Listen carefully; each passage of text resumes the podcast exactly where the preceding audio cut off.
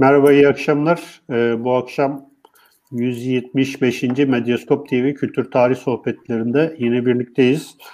Ee, bugün uzaklardan yine bir konuğumuz var. Amerika Birleşik Devletleri'nde e, halen ikinci doktorasını yapmakta olan Doktor Rıza Yıldırım'la e, bugün bir yayınımız olacak. E,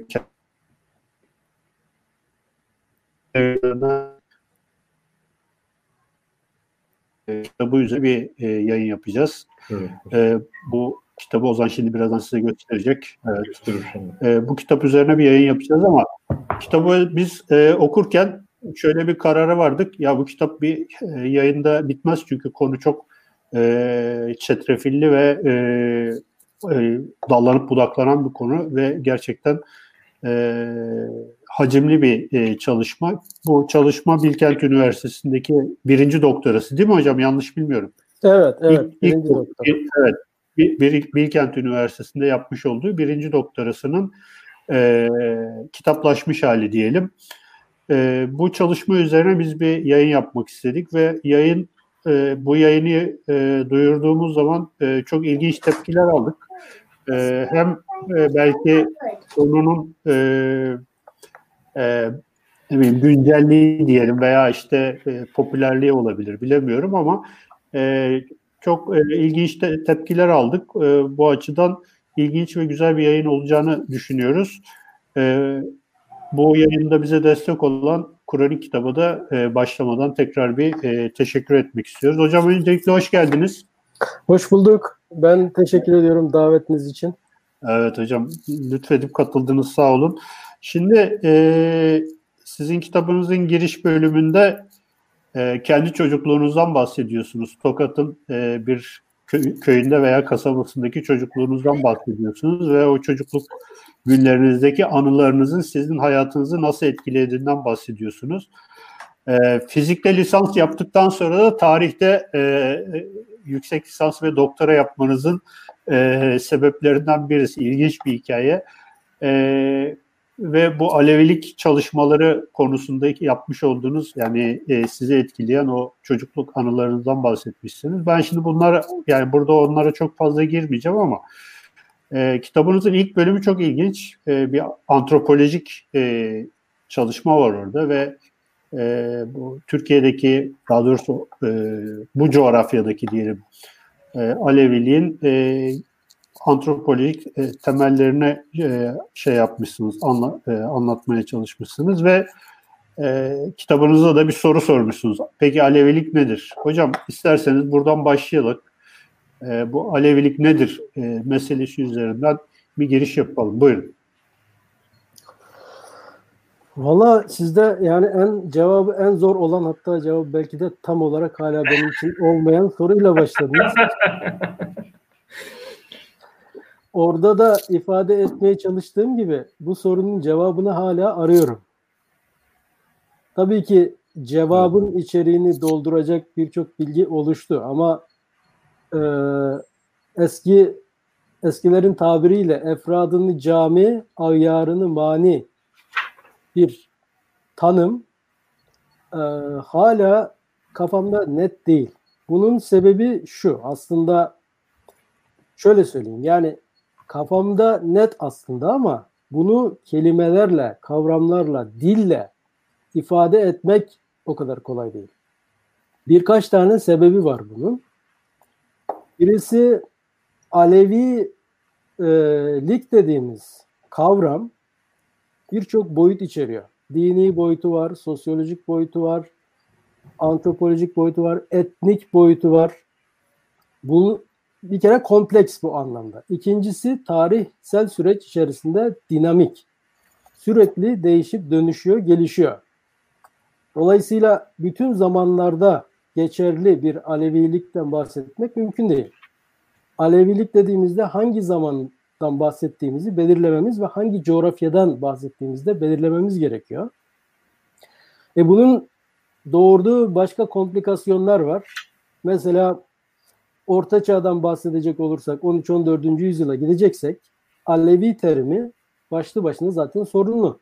Yani bu terimi kullanmamamız lazım. Başka kavramlar var, başka terimler var o zamanki toplulukları ifade eden. Ee, bu işin bir boyutu. İkincisi bu gelenek biraz e, kendine has belli bir noktadan sonra da tarih içerisinde e, şehir merkezleriyle ve siyasi otoritelerin egemen olduğu e, merkezi bölgelerle ilişkisi zayıf, daha çok kırsalda ve kendi iç dünyasında gelişmiş bir gelenek. Dolayısıyla kavramları, terimleri kendi iç sistematiğinde e, bir bütünlük arz etse de tutarlı olsa da bunu hepimizin anlayabileceği ortak dile aktarmak o kadar kolay değil. Yani demek istediğim şu. Aleviliği anlarken ve anlatırken kullandığımız Türkçe'de, İngilizce'de veya başka bir dilde ki kavramlar dışarıdan bakarak üretilen kavramlar. Alevi geleneğinin kendi içinde yüzyıllar boyunca gelişmiş kavramlar değil. E bu da başka bir problem oluşturuyor. Tabii bu belli bir noktada anlamanızı sağlıyor ama tamamen kavramaya engel oluyor çünkü nüansları kaybediyor. Ee, sonra içerisinde çok fazla unsur var. Yani tasavvuf Aleviliğin boyutlarını tespit edip anlayabilmek için tasavvuf bilmeniz lazım, Şia, Şiiliği bilmeniz lazım, Sünniliği bilmeniz lazım, İslam tarihini bilmeniz lazım, Osmanlı tarihini bilmeniz lazım, İran tarihini bilmeniz lazım. Bütün bunların hepsini bir araya getirip bir resim oluşturmak kolay bir şey değil. Ben şimdi bu noktada hemen açıkça ifade edebilirim ve itiraf edeyim. Ee, bu tezi yaparken Bilkent'te İran tarafı benim için Safevi kaynaklarının çoğunu okumuş olmama rağmen şu anda vakıf olduğum kadar açık bir vukufiyet yoktu İran tarafına. E, öyle olduğu için biraz Osmanlı merkezli baktım ister istemez. Şimdi bakıyorum bunun oluşturduğu, bunun doğurduğu eksikler var kitapta veya kitaba egemen bakış açısında. E bunlar da vakit alıyor. Şimdi hepsini bir araya getirmek ve evet bu Aleviliğin ne menen bir şey olduğunu artık anladım diyebilmek zor yani. Çok zor. E, ben hala şu anda kendimden çok emin bir şekilde evet bu işi çözdüm. Alevi kavramının sınırları şunlar şunlar şunlardır. Şurada başlar şurada biter diyemiyorum. Evet. Zaten kitapta bir bölümde şey diyorsunuz. Alevi sayısı kadar Alevilik tanımı vardır gibi bir çarpıcı evet, cümleniz de var. problem zaten. Şimdi bir de bu Alevilik aynı zamanda yaşayan bir şey. Ölmüş, yok olmuş, kaybolmuş, tarihe mal olmuş bir şey değil. Yaşayan milyonlarca Alevi var. Ve bu Aleviler için çok sıcak bir konu. Kimlik meselesi, sosyal varoluş meselesi, inanç meselesi. Dolayısıyla Aleviliğe dair getirdiğiniz her tanım Alevilerin hayatına doğrudan dokunuyor. Ve bir şekilde de konuştuğunuz e, konular veya kavramların için doldurduğunuz şekliyle o kavramlar Alevi toplumuyla örtüşmesi lazım. Alevi toplumu tarafından benimsenmesi lazım. E, Alevi toplumu da tarihsel olarak bir dönüşüm süreci içinde olduğu için oraya baktığınızda oradan da e, yüzlerce farklı perspektif ortaya çıkıyor. O da yine bir komplikasyon doğuruyor. Hocam, evet hocam. burada e, belki şimdi biraz da Osman iki, iki program yapacağız dedik. Bu biraz da Osmanlı ve e, o günkü göçebe işte Türkmen diyebileceğimiz e, Türkmenlerle Osmanlı arasındaki ilişki üzerine konuşacağız. İkinci programı da İran ve e, Türkmenler ve e, Aleviliğin doğuşu üzerine olacak. E, o yüzden biraz daha şey Osmanlı coğrafyası üzerine konuşmak istiyorum da soruda o yönden e, gidelim istiyorum. Bu e,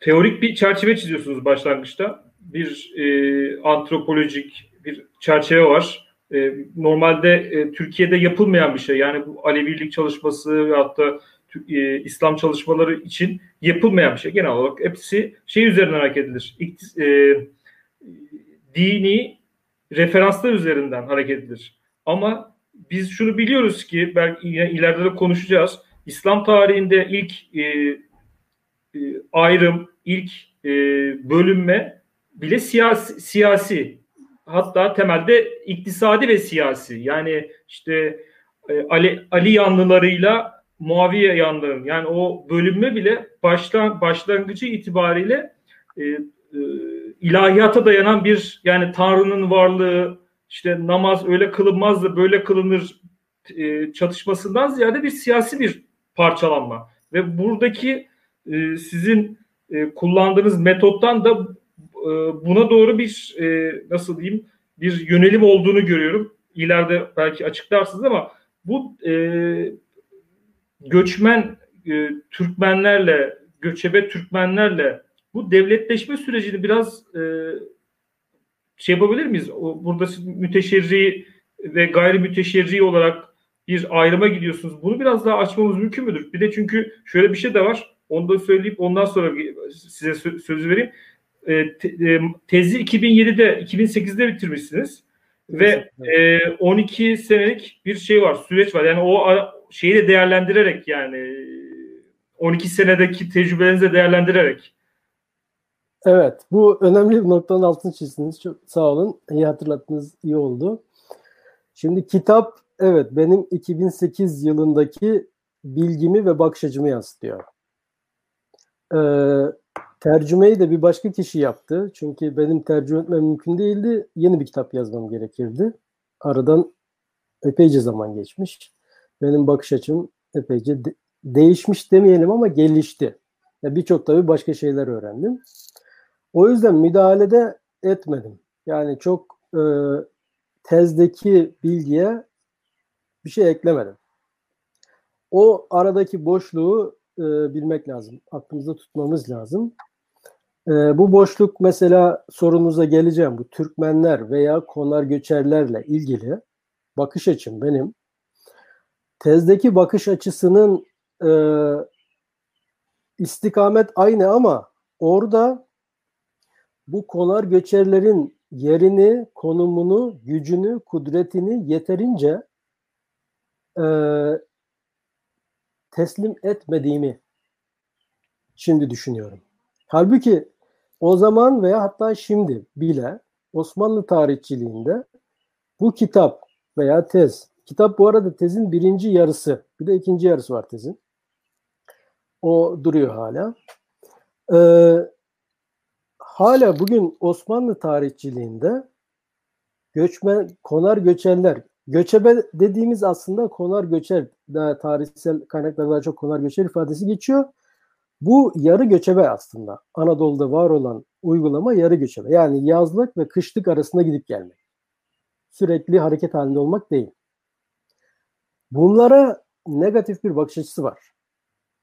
Yani bu insanların, bu kitlelerin bir şeyi beceremeyeceği, yerleşik halk karşısında daha az gelişmiş olduğu, yerleşikler karşısında e, böyle bir ikinci sınıf oldukları yönünde bir bakış açısı öyle veya böyle egemen zihinlerimizde ve literatürde.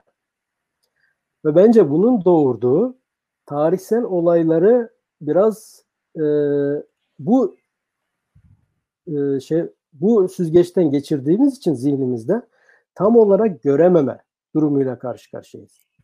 Benim şu andaki göçebe, konar göçerlere bakışım kısaca tezi yazdığım dönemdekinden de daha ileri seviyede. Orada orada ifade ettiğimden daha fazla güçlü, daha fazla etkili ve daha e, ileri seviyede tarihin aktörü olduklarını şimdi düşünüyorum. Bunu biraz açarım belki. Daha önce ama buraya girmeden siz girişte ifade ettiğiniz din, dine benim bakışım nasıl? Bir iki cümleyle bunu ifade etmek isterim. Ee, din konusunda ben biraz Durkheim ekolünü takip ediyorum. Yani e, dini kavramların, inançların, ritüellerin büyük oranda toplumsal yapıyla örtüştüğü, ilişki içerisinde olduğu, hayatın içinde var olan uygulamaların ekonomik, toplumsal, siyasal uygulamaların, kurumların ifade edildiği bir e, entelektüel düzlem, zihinsel düzlem, kavramsal düzlem olduğunu düşünüyorum dinin. E, bu düzlem içerisinde bunca kavramın ifade edildiği bu kompleks sistem yani din bunun bir kısmı ilahi bilgiden geliyor mu, gelmiyor mu? Kutsal mı? Gerçekten Allah'ın dedikleri midir? Dinin içerisindeki her şey. Bu soruların cevabına geldiğimizde ise fenomenolojik bir tutum takınıyorum ben. Yani bunu tartışmıyorum. Bunu inan inanan kişinin kendisine bırakıyorum. Yani olabilir olmayabilir. O artık inancın alanı. Bunu biz akademik bir çalışmada değerlendiremeyiz. Birisi öyle inanıyordur, birisi böyle inanıyordur. Ama o inancın ve o inanca eşlik eden uygulamaların, ritüellerin, ibadet biçimlerinin, örgütlenme şekillerinin nasıl tarihsel süreç içinde geliştiğini anlamak için onların örtüştüğü toplumsal yapıları, ekonomik yapıları, siyasal yapıları görmemiz, bakmamız ve bir arada değerlendirmemiz lazım. Bu sadece Alevi tarihini anlarken, Aleviliği anlarken yapmamız gereken bir şey değil. Bu bütün dinler için geçerli. Yani din insanla var olan bir olgu. İnsansız bir din düşünülemez. E insan da sürekli geliştiğine, dönüştüğüne göre din de sürekli gelişen bir kompleks sistemdir. Bunu bir kere aklımızda tutmamız lazım. O yüzden e, aslında bu kitap Aleviliğin Doğuşu adı ama e, alt başlık daha kitabın içeriğini daha güzel, daha doğru ifade ediyor. Toplumsal ve siyasal temeller. Kitapta teolojik, e, inançsal boyutları yok Aleviliğin. Bu da bir tercih benim için.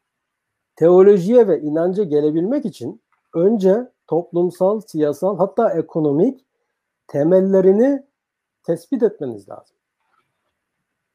Şimdi e, başka bir kitap yakında çıkacak e, buyruk üzerine uzun bir değerlendirme de var kitapta. Orada orada da bu Kızılbaş Alevi kimliğinin inanç ve ibadet boyutu var. Yani ikinci e, aşamayı orada yapmış oldum. E, ama toplumsal temellerini bilmeden, siyasal temellerini bilmeden, ekonomik temellerini bilmeden bir inancın e, anlaşılması bence mümkün değil. Ve o inancın toplum içerisindeki işlevlerini görmek, tespit etmek bir tarihçi olarak kavramak mümkün değil. Neticede inançlar, ritüeller, dini sistemler işlevlerine göre var olurlar veya olmazlar. Tarihte böyle insanlık tarihine baktığınızda yüzlerce, binlerce din var. İrili ufaklı dini sistemler var. Bunların kimisi yaşamış, kimisi yok olup gitmiş. Yok olup giden niye yok olup gidiyor? Çünkü e, toplumsal ve siyasal yapılarla artık uyuş uyuşmuyor. İhtiyacı cevap vermiyor. Fonksiyonelliğini, işlemselliğini kaybediyor ve ortadan kayboluyor. Neticede toplum ve din ve ekonomi ve siyaset bunlar birbirlerinden ayrışamaz. Ayrışamayacak derecede yapışık oldular benim bakış açımdan.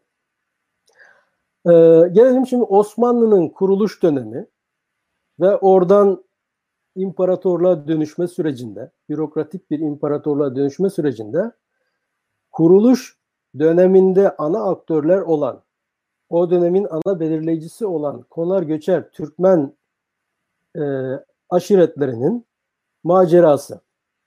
Kitap aslında biraz Türkmen tarihidir. Her ne kadar adı Aleviliğin doğuşu olsa da onu fark etmişsinizdir.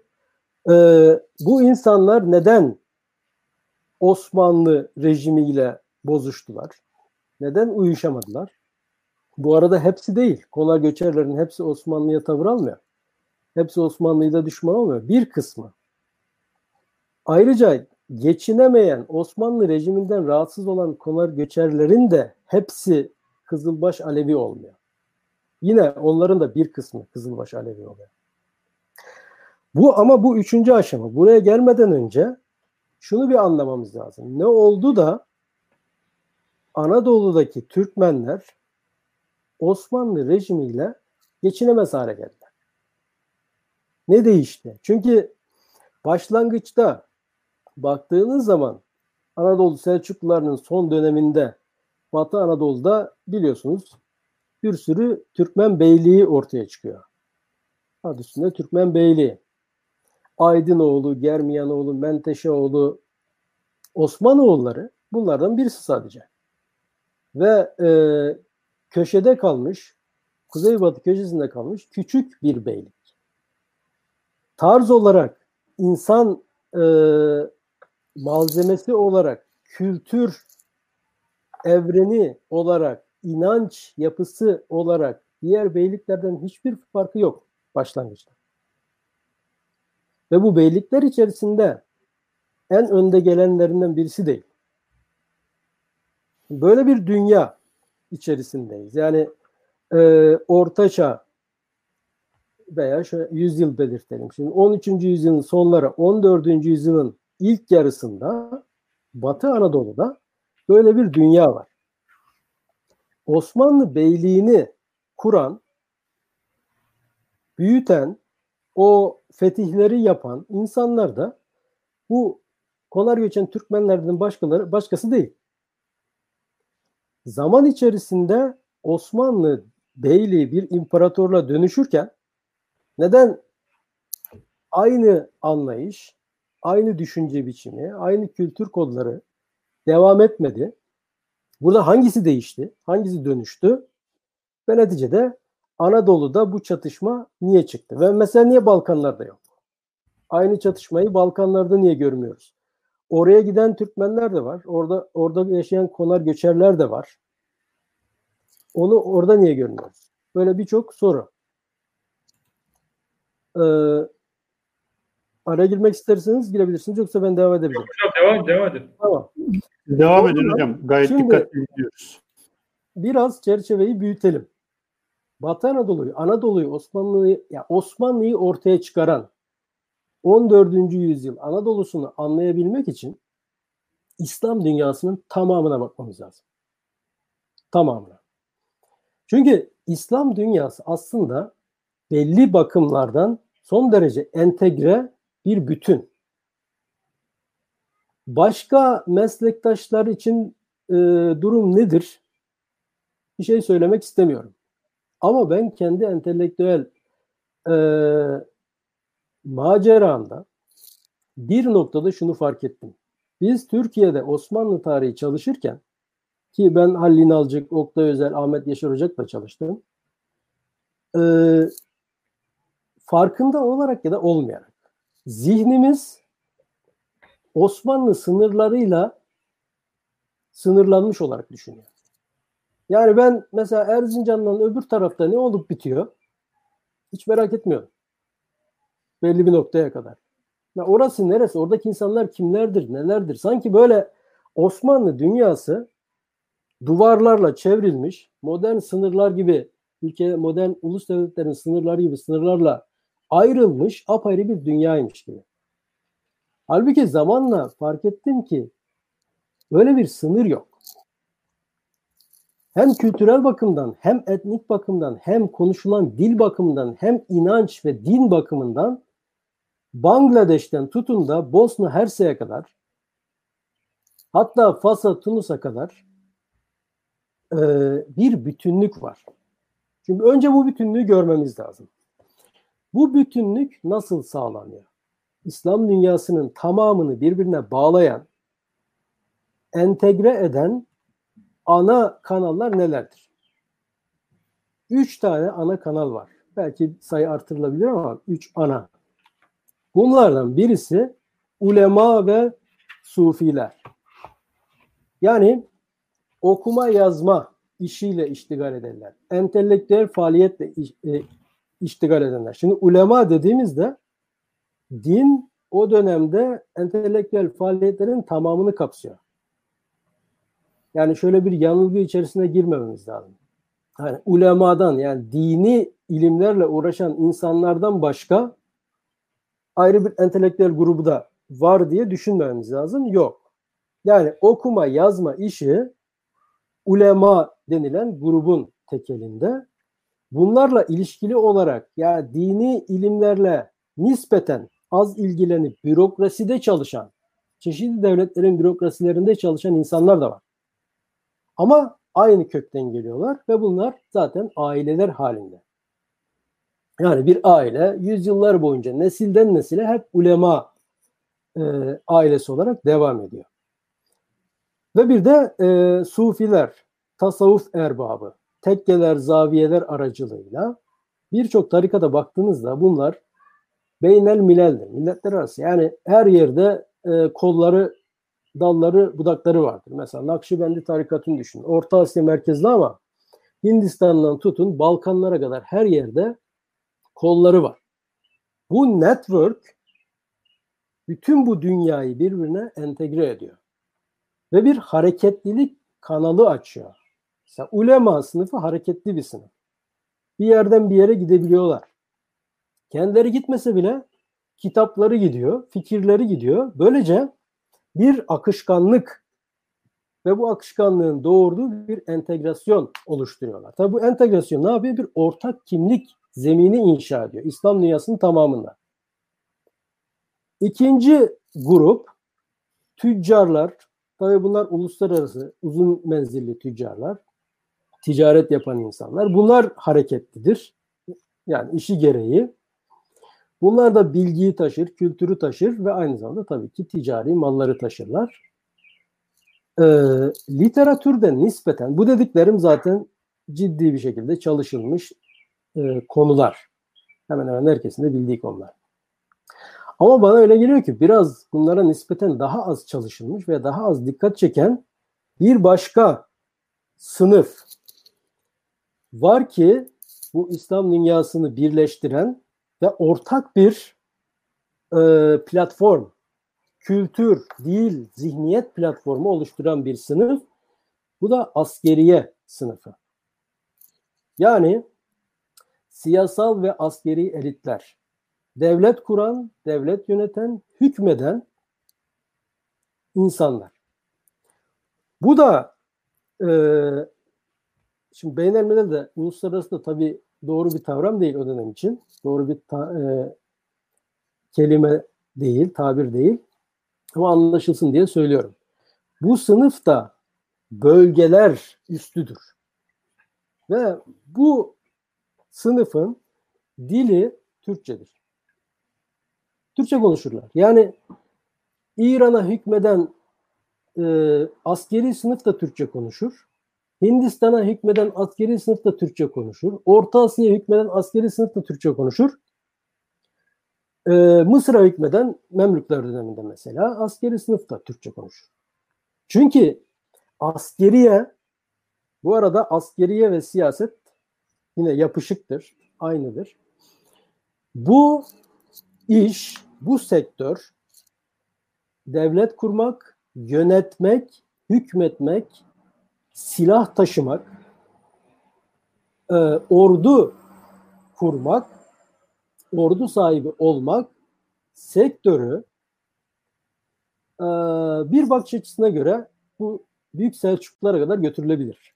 Büyük Selçukluların İran'a gelip Bağdat'a kadar gelip Abbasi halifesinin e, hamiliğini devralmasıyla beraber Tuğrul Bey'in başlayan bir süreç.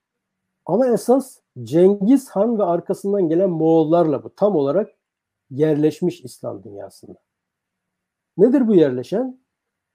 Dışarıdan gelen aşiret halinde örgütlenmiş konar göçer bir zümre İslam dünyasının yönetici askeri üst sınıfı olarak kendisini yerleştiriyor, empoze ediyor. Bu dünyanın tamamına e, Moğollar, şimdi Moğol İmparatoru Cengiz Han ve çocuklarının, torunları demiyorum, çocuklarının kurduğu imparatorluğun boyutunu düşünürseniz, ya bu Doğu Avrupa'dan başlıyor, Karadeniz'in kuzeyinden başlıyor, bütün bir Asya, Çin'e kadar gidiyor. İran falan tamamen onun içerisinde. Bu kadar büyük bir coğrafya. Yani bugün Mağrip hariç İslam coğrafyası 3 aşağı 5 yukarı Moğol egemenliğine giriyor. Bu Moğollar 2 3 nesil sonra üst Han e, sınıfını oluşturmakla beraber kendi dillerini bırakıp Türkçe konuşmaya başlıyorlar. Ve Türkçe bu sınıfın dili haline geliyor. Gelenek, görenek, hükmetme geleneği, göreneği, kavramlar, terimler, uygulamalar, kurumlar bunların hepsi aynı gelenekten geliyor ve biz bugün buna Türk-Moğol geleneği diyoruz. Yani her iki katkıyı da belirtmek için e, köken tabi Asya. E, bu Türk-Moğol geleneği mesela aklınıza gelen hangi devlet varsa siz söyleyin. Yani şimdi o dönem 14-15. yüzyılda hangi devlet biliyorsunuz? Yani rastgele bir çekiliş yapalım. Şey var Timur hocam, mesela. Timur, Karakoyunlular. Akkoyunlu, Timurlular. Bunlar saf Türkmen konfederasyon. Yani Mısır Memlükler Memlük. özel bir durum. Adı üstünde Memlük. Yani köle orada orası çok özel bir yapı. Gaznelilerle Memlükliler çok özel iki devlettir bu ta- İslam tarihi içerisinde. Köle olmanın büyük bir şeref olduğu ve en üst askeri makamlara gelmek için ön şart olduğu enteresan yapılar bu ikisi. Ama onlar da Türkçe konuşuyorlar. Yani onların da dili, askeri sınıfın dili ve kültürü Türkçe. E, diğerleri aşiret yapısını koruyarak hükmediyorlar. Mesela Akkoyunlu devleti dediğimiz şey bizim aslında Bayındır, Musullu ve Pornak aşiret, üç aşiretin egemen olduğu bir konfederasyondur. Ve bunların bunlara eklemlenmiş daha küçük aşiretler vardır. Bir sürü. Ama en büyük bu üçü. Şimdi peki bu nasıl oluyor? Yani eee, şöyle bir bakalım 1040, 1050, 1050'den başlarsak 1050'den 1600'lere kadar. Hatta İran'da Kaçarlar düşünün Kaçarlar bunlar da bir Türkmen aşireti değil mi? Evet. O e, Kızılbaş Konfederasyonu üyesiydi Kaçarlar zaten Safeviler döneminde. Daha sonra Safevi düzeni çökünce İran'a egemen oldular. 1922'ye kadar. Yani İran'da çok daha uzun süre devam ediyor. Ama Osmanlı'da Os, birazdan geliriz ona. Osmanlı bu geleneğin, bu gelenekten çıkmakla beraber Osmanlı'nın kuruluşu da bu geleneğin bir uzantısı olmakla beraber özellikle 15-16. yüzyılda Osmanlı Roma mirasından devraldığı unsurlarla çok kozmopolit, özgün bir yapı kazanıyor. İşte Türkmenlerle e, bozuşmanın da arka planında bu sentez var.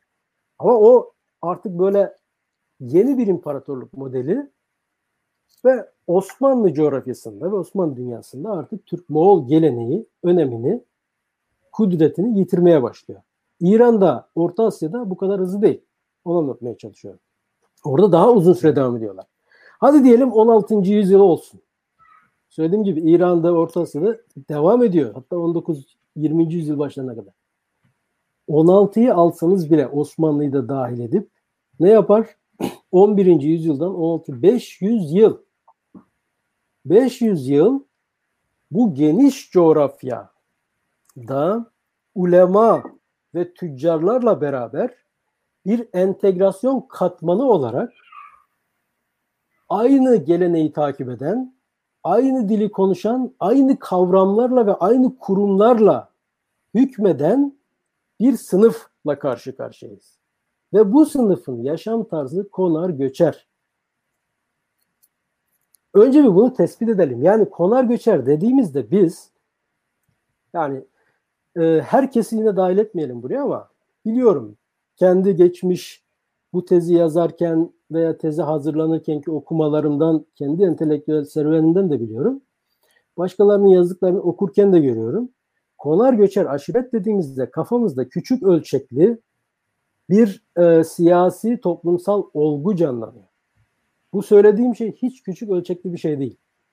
Tam tersi bunlar ya 500 yıl bu kadar geniş bir coğrafyaya egemen olmak köklü bir modern tabirle devlet geleneği demektir. Aslında o devlet bizim bugün anladığımız gibi bir devlet de değil. O da ayrı bir konu. Yani devlet tabirini orada o yapılar için kullanmak ne kadar doğrudur? Bu da ayrıca tartışılabilir. Ama şu bir gerçek. Siyasal olarak, askeri olarak hükmetmişler. Yani hakimler bunlar. Ya peki e, işte mesela kitapta şimdi tekrar bakarken şimdi olsa böyle yazmazdım dediğim şeylerden birisi İran devlet geleneği tabiri. İran devlet geleneğinin kullanılış biçimi. Tabii ki İran'da da çok köklü bir devlet geleneği var. Ta Farslardan gelen. Ee, ama bizim karşı karşıya olduğumuz bu yapı ne kadar İran geleneği. Şimdi İran tarihçilerini okuyorum. Çok e, büyük isimler de var bunların içerisinde. Ve İran'daki siyasi yapıları anlatırken sürekli işte e, Persian State Tradition, İran devlet geleneği, İran devlet geleneği. Ya tamam güzel şimdi bürokrasi hep Farsidir zaten. Orada eyvallah. Müslümanlar da İran'ı fethettikten sonra onlardan aldıkları, Sasanilerden aldıkları bürokrasi olduğu gibi devam ettiriyorlar. Çünkü kendi bürokrasi bilgileri ve gelenekleri yok. E, bu Türkmenlerin de, Moğolların da, Cengiz Han, Hülagü, işte Altın Orda hepsi bunların da bürokrasi bilmiyorlar. Bürokrasi, bürokratik aygıtı inşa etmek ve işler olarak devam ettirmek için mutlaka ki İranlı bürokratlara, ulemaya ihtiyaç var. O da ikinci bileşeni zaten bu yapının. Ama buna sadece İran devlet geleneği demek karşı karşıya olduğumuz olguyu tam ifade etmiyor. O zaman şu soruyu sorar birisi e, çıkıp ya bu nasıl bir İran devlet geleneğiymiş ki bin yıldır hep Türkler uygulamış. Yani İranlar hiç uygulamıyor. Böyle bir durumla karşı karşıyasın. Şimdi o zaman kavramlarımızı biraz esnetmemiz, tekrardan işlememiz, tekrardan içini doldurmamız gerekiyor. Bunu anlatmaya çalışıyorum. Ve özetle geniş bir çerçeveden İslam dünyasına baktığımız zaman konağa göçer aşiret dediğimiz yapıların siyasi ve askeri bakımdan yerleşiklere göre çok daha üstün olduğunu görmemiz lazım. Yani bu tesadüfi değil. Bu kadar uzun süre konar göçer aşiretlerin egemen olması, hükmetmesi bir tesadüf değil. O günün yaşam tarzında teknolojik imkanları içinde bu insanların e, yaşam tarzları onlara bir üstünlük sağlıyor. Çünkü ordu için yani hükmetmek için orduya ihtiyacınız var. Ordu için elinizde bir kere hareketli, mobil kitleleriniz olması lazım. Yani orduda hareket esas. Hareket edebilen, hareket etme kapasitesi yüksek bir kitle olması gerekiyor değil mi? Halbuki köylülere baktığınız zaman köylüler hareket edemez. Köylünün özelliği toprağa bağlı olmak. Yani orta çağ, yeni çağ, e, erken modern çağda kendi doğduğu köyün dışında hiçbir yeri görmeden ölen trilyonlarca insan vardır. Değil mi? Yani nereye gidecek? Adam gidemiyor. Zaten timar sisteminde mesela Osmanlı'da bağlı toprağa gidemez. Avrupa'da serf zaten toprağa bağlı. Yani o sınıf hareket edemiyor. Peki e, yüzlerce kilometre yolu kat edip sefer yapmak, savaş yapmak nasıl mümkün olacak? Bu kapasiteyi, bu beceriyi kim kazanacak? E, konar göçerlerin zaten doğal çocukluktan bu becerileri var. Adamlar çadırlarını, obalarını, her şeylerini çok kısa bir sürede toparlayıp paketleyip yola koyulabiliyorlar. Bu onlara bir üstünlük sağlıyor. Yani o günün imkanları, şartları içerisinde düşündüğünüz zaman bugün dezavantaj olan birçok şey aslında avantajdı. O yüzden konar göçerlerin askeri sınıfı oluşturması bir tesadüf değil. Yani özetle şunu anlatmaya çalışıyorum. Tarihçiliğimizde özellikle Osmanlı tarihçiliğinde konar göçerlerin hakkını teslim etmemiz lazım. Bu adamların ne kadar etkili olduğunu o kendi dönemlerinde ne kadar etkili aktörler olduğunu aslında fark etmiyoruz. Ve o yüzden şöyle bir varsayımla hareket ediyoruz. Büyük bir organizasyon yapılmışsa, büyük bir iş başarılmışsa, mesela bir devlet kurulmuşsa, yani bunu yerleşikler yapması gerekir diye otomatik varsayıyoruz. Neden? Çünkü bu büyük bir iş yani. Bu göçebenin yapabileceği bir iş değil. Hatta şöyle uzunca bir tartışma da vardır Osmanlı kuruluş dönemiyle ilgili. Osman Bey göçebe miydi değil miydi? Osman Bey okur yazar mıydı değil miydi? Osmanlı bir aşiret miydi değil miydi? Niye bunları tartışıyoruz? Çünkü şimdi Osmanlı'yı büyük, yüce gören bir bakış açısı diyor ki bu kadar büyük bir şey olamaz yani oba olamaz. Göçebe olamaz. Okur yazar olması gerekir. Çünkü okur yazar olmamayı bugünkü bakış açısıyla cahillikle özdeşleştiriyor. Konar göçer adam niye okuma yazma bilsin? Adamın ihtiyaç duyduğu bilgi, donanım başka ve o donanımla işini görüyor. O donanımla hükmediyor. Onun bilmesi gereken şey savaş stratejisi. Savaş meydanına girdiğinde nasıl düşmanı inecek? Kılıç kullanmak, yay kullanmak ve siyasi manevraları iyi görüp uygulayabilmek. Bunlar için okuma yazma gerekmiyor. Bunlar için doğuştan o eğitimi almak gerekiyor. Şimdi mikro ölçekte Anadolu'ya bakarsak Anadolu da bu e, anlatmaya çalıştığım makro ölçekteki İslam dünyasından çok farklı değil 14. yüzyılda. Karaman Beyliği'nin elitlerine bakın. Saruhan Beyliği'nin elitlerine bakın. Aydınoğulları'nın elitlerine bakın. Osmanlı büyüdükçe Osmanoğulları'nın elitlerine bakın. Osmanoğlu'nun özel özellikleri var. Onlara gelirim. Bunlar birbirine benzer. Bir savaşan kesim vardır. Beyler. Bu beylerin hepsi aşiret mensubudur. Ve bunların hayatı baktığınız zaman birkaç aktiviteden ibarettir. Bu sınıfa mensup olan bir insan bunlar böyle hayvancılık yapan işte karnı hayvancılık yaparak doyuran insanlar değil. Konar göçer ama bunların mesleği askerlik ve hükmetmek. Bunlar ne yapar? Bunların hayatında birkaç aktivite var. Bunlar ya av yapar, avlanır. Ya işi ücret yapar. Muhabbet meclislerinde içerler, zevk yaparlar. Ya da savaşırlar. Ana aktiviteleri bunlardır. Zaten av bir savaş pratiğidir. Mesela av niye bu kadar önemli? Hükümdarların hayatında. Bu, bu dediğim sınıfın hayatında neden bu kadar önemli bir yer tutuyor av? E çünkü avda savaşın pratiğini yapıyor. Yani av dediğim bugünkü gibi 2-3 kafadar tüfeği alıp dağa çıkıp bir yere pusu kurup her ne avlayacaksan onu vurmuyorsun. Ordu hali 5000 kişi gidiyorlar. 5000 süvari. Bunlar stratejik bir şekilde her ne avlıyorlarsa geyik, ceylan her neyse onları belli bir yere doğru yönlendiriyorlar. Emir komuta zinciri içerisinde hareket ediyorlar. Bir anda atlarla geri dönüyorlar ip gibi. Bütün bunlar savaş kapas yeteneğidir. Yani avla savaş birbirine çok yakın iki aktivite. Ve bunlar ya bu işle meşguldür ya da oturur işi işlet yaparlar. Hocam işi burada işlet ne?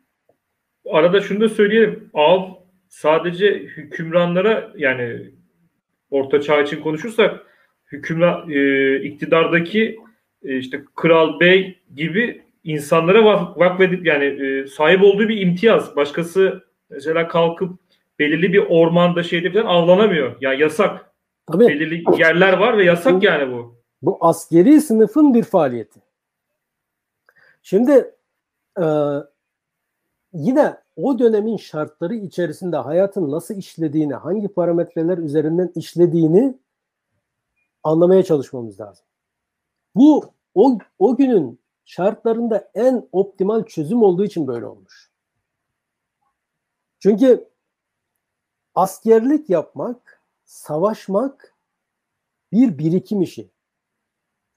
Ve barut, tüfek kullanılana kadar tüfek yani barut uzun süredir var da hafif taşınan tüfekler böyle omuzda taşıyacağın, her yere götürebileceğin tüfekler kullanılana kadar savaş sanatı bir hayat boyu edinilen bir e, yetenek.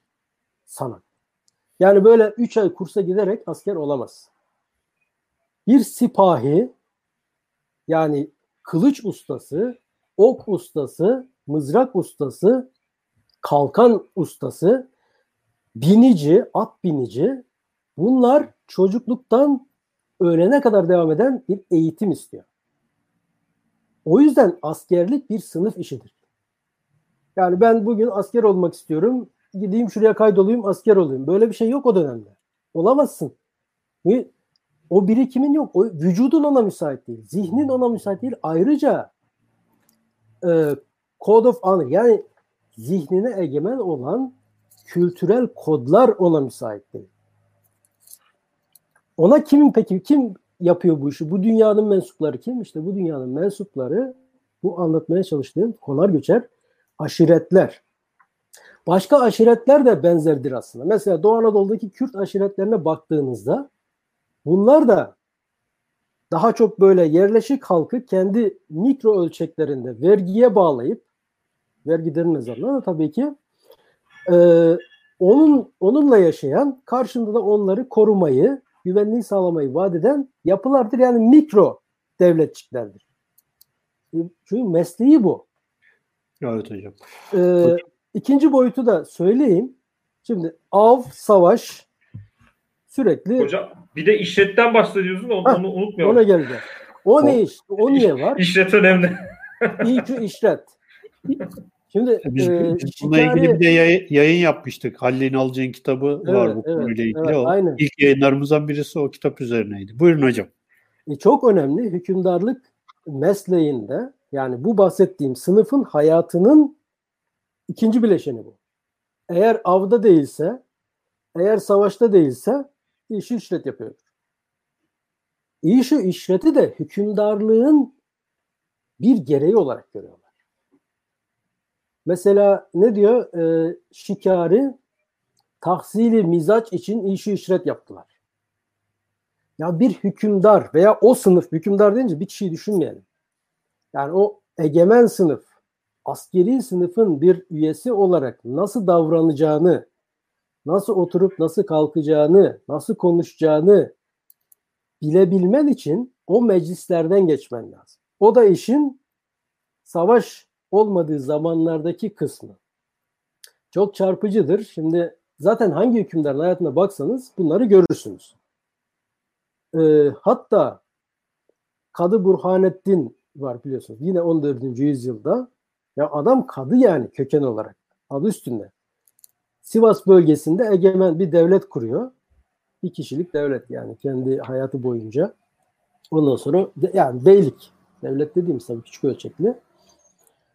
Ee, sonra ortadan kayboluyor bu devlet beylik. Bunun biyografisini anlatan kitap. Yani herkes belli bir noktada hükümdar olarak belli bir seviyenin üzerine çıktığına düşünür veya bunu kabul ettirirse etrafa tarihini yazdırır.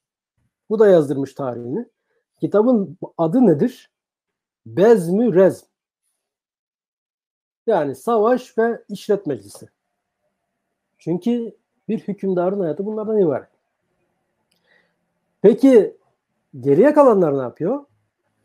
Geriye kalanlar ekonomik üretimi yapıyor. Yani köylüler.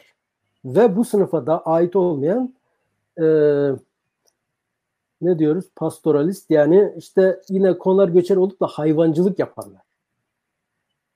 Veya konar göçer olmadan hayvancılık yapanlar. Neticede ekonomik üretim yapanlar. Bu ekonomik üretim yapanlar karınlarını doyuracak kadar üretiyorlar. Artan kısmı da vergi olarak bu yönetici sınıfa veriyorlar. Böylece karşılıklı çalışan simbiyotik, simbiyotik bir düzen var. Şimdi bir de bu sistemin çalışmasını, çarkların dönmesini sağlayacak arada teknik elemanlar var. Bu bahsettiğimiz adamlar şimdi düşünün. A aşiretinde sen doğdun çocuk olarak. 3-4 yaşında at binmeyi öğreniyorsun zaten. Kılıç kullanmaya başlıyorsun. Yani 13-14 yaşına gelene kadar usta bir savaşçı oluyorsun. Ondan sonra savaşlara gitmeye başlıyorsun. Yani doğal bir savaşçılık hayatı bu. Böyle bir dünyanın içerisinde defter, kalem, kayıt, kuyut, okuma, yazma yok. Ama senin hükmettiğin yani küçük bir beyliksen, 5000 çadırlık bir obaysan yazıp çizip olmadan, kayıt kuyut olmadan belki yönetebilirsin. Ama bir devletçiyi yönetiyorsan ya devlet ölçeğinde bir siyasi, sosyal entiteyi yönetiyorsan kayıt lazım. Değil mi? İşte burada bu ikinci bir sınıf, teknisyen sınıfı devreye giriyor. İran'da bunlara tacik deniyor mesela. İran tarihçiliğinde yönetici sınıf için Türk, e, bürokrat sınıf için tacik denir. Yani İran, Farsça konuşan unsurlar. Okuma yazma bilen, öteden beri eğitimli, ulema sınıfından olan, köklü ailelerden gelen, defterin nasıl tutulacağını bilen, mektubun nasıl yazılacağını bilen, fermanın nasıl yazılacağını bilen, kavramları bilen insanlar. İşte bu buna bürokrasi diyecek olursak şayet bürokrasi ile askeri e, askeriyenin o bir araya gelmesiyle oluşan bir egemenlik yapısından bahsediyoruz biz. Bu bizim bugünkü modern devletlere benzemiyor. Modern devletler gibi değil. Bu iki sınıf da aralarında iş bölümü yapmış. Birbirlerinin alanlarına girmiyorlar. Zaten giremezler, becerileri yok. Yani askeri sınıftan olan bir kişi bürokrasiyi anlamaz. O da yine aileden gelen bir birikim istiyor. Yani sen 30 yaşından sonra 1400 yılında 1430 yılında her neyse İran'da yahut Anadolu'da yahut Hindistan'da ben canım sıkıldı oturayım okuma yazma öğreneyim defter tutmayı öğreneyim gideyim defterhanede çalışayım diyemez. O şekilde geçişkenliği olan bir toplumsal yapı yok. Sınıfların, e, kompartımanların ayrıldığı ve her bir kompartmanın gereğinin daha doğuştan itibaren öğrenildiği, hayatın içinden öğrenildiği, formel eğitimin çok sınırlı olduğu bir dünya ile karşı karşıyayız. O yüzden her meslekte bir ırsiyet eğilimi vardır. Yani ulemada öyle, askerlikte öyle, köylülükte öyle, her şeyde öyle. Ee, demek istediğim birbirlerinin üstün taraflarını biliyorlar, buna saygı duyuyorlar ve birbirlerine karşılıklı faydalanarak e, yardımcı oluyorlar. Böyle bir sistem kurulmuş. Osmanlı Devleti'nin özgün tarafı Fatih Sultan Mehmet'ten sonra özellikle bu sistemin dışına çıkmaya başlaması.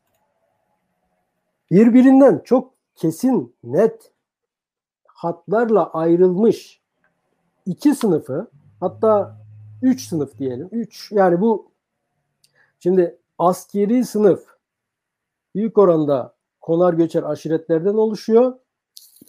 Bürokrasi yerleşik, eğitimli zümreden oluşuyor. Bir de eğitimsiz olan yerleşikler var, köylüler var. Bunlar da toplumun zaten kahır ekseriyeti. Onların işi tarlada, bağda, bahçede çalışmak. Osmanlı Devleti özellikle askeri sınıfla bürokrat sınıfını kaynaştırmış. O aradaki geçişkenlik artmıştan öte yani o şey kaybolmuş. Birleşmiş, kaynaşmış ve fark bu ikisiyle beraber geriye kalan köylüler arasında oluşmuş. Osmanlı da aslında aynı jargonu takip ediyor. Dikkat ederseniz mesela askeri ve reaya.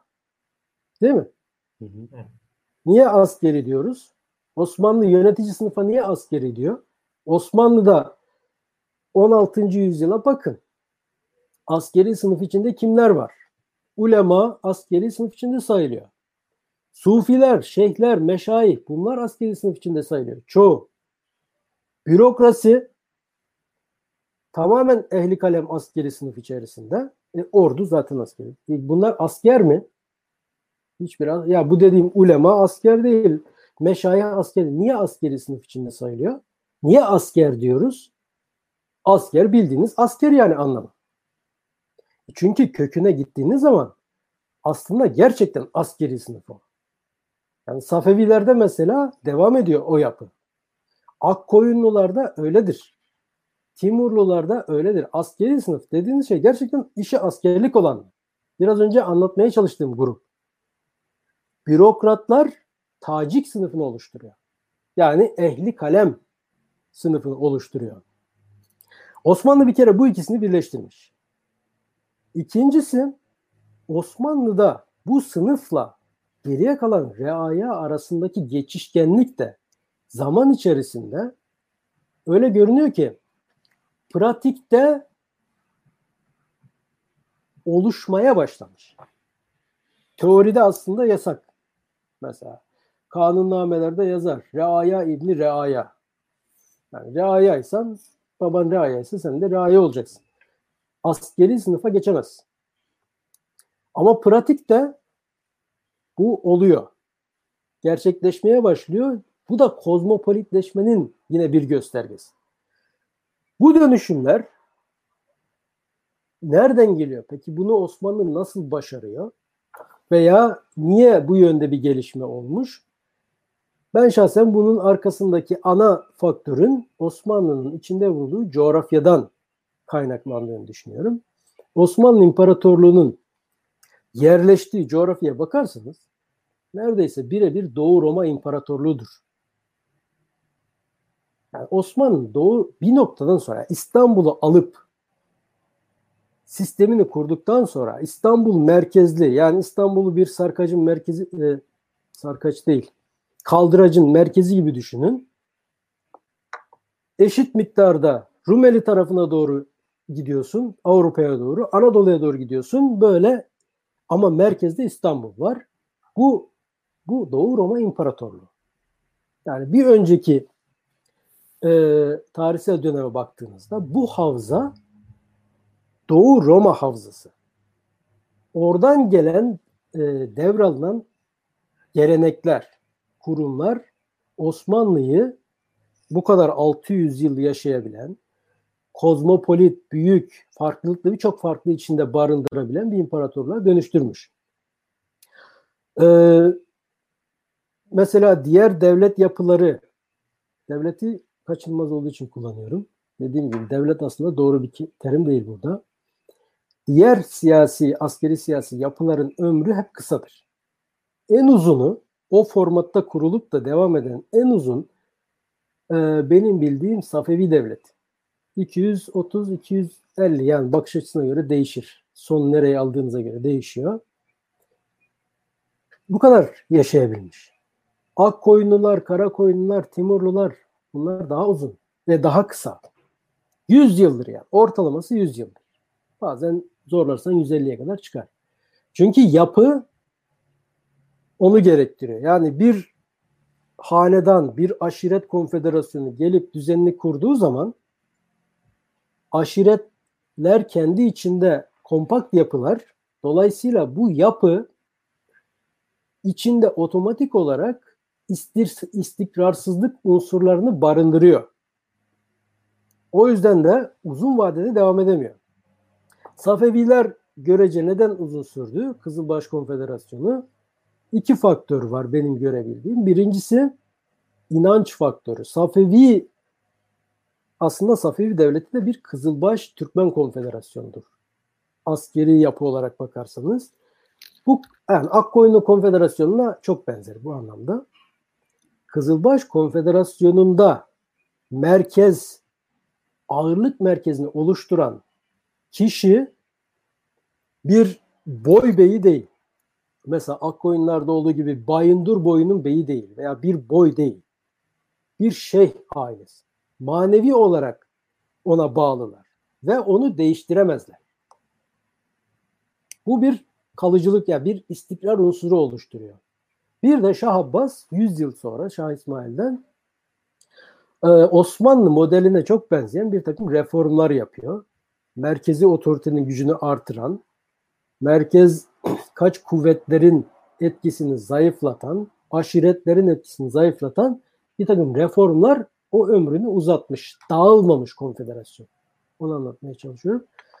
Osmanlı ise bu meselede yani diğer örneklerde göremediğimiz kadar ileriye gidiyor. Farklılaşıyor. Farklı bir yapı ortaya çıkıyor.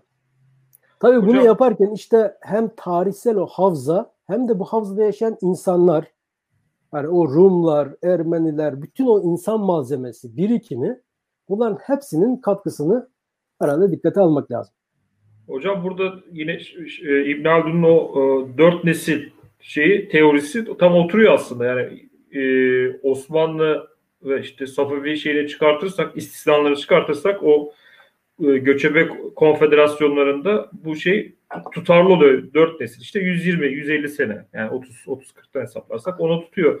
Burada şeyin herhalde farklılığı Osmanlı'nın farklı bunu bu veraset sistemini önceki Türk Moğol geleneğinde çünkü oğullar arasında şey yapılıyor, paylaştırıyor. Mesela e, iki nesil önce hatta 200 sene önceki Moğol İmparatorluğunu düşünürsek Cengiz Han İmparatorluğu işte kuruyor. Fakat e, Cengiz Han öldükten sonra dört parçaya bölünüyor. Dört oğul arasında paylaştırıyor bu. Bir şey gelenek yani. Moğol ve Orta Asya geleneği ve buradan kurtulmuş bir e, bir e, varlık var yani siyasi bir varlıktan bahsediyoruz aslında. Osmanlı işte, şimdi şey. bu bu konuda da e, Osmanlı tarihçiliğinde tartış tartışıldı bu. E, İnalcık'ın İnalcık ve o dönem hatta hatta o dönem tarihçiler neden Osmanlı taht e, geçişlerinde parçalanma, bölünme olmadı? Aslında gelenek olarak Osmanlı uzun süre bunu yani hep diye de bilir. Hep de diyebiliriz ama birinci Ahmet'e kadar bir kere kesin olarak net bir şekilde aynı geleneği takip ediyor. Aynı siyaset geleneği. Nedir? Bu bu artık ortası Türk Moğol geleneğidir. Devlet dediğimiz yani hükümranlık hakkı ailenin kolektif malı. Ailenin malı yani.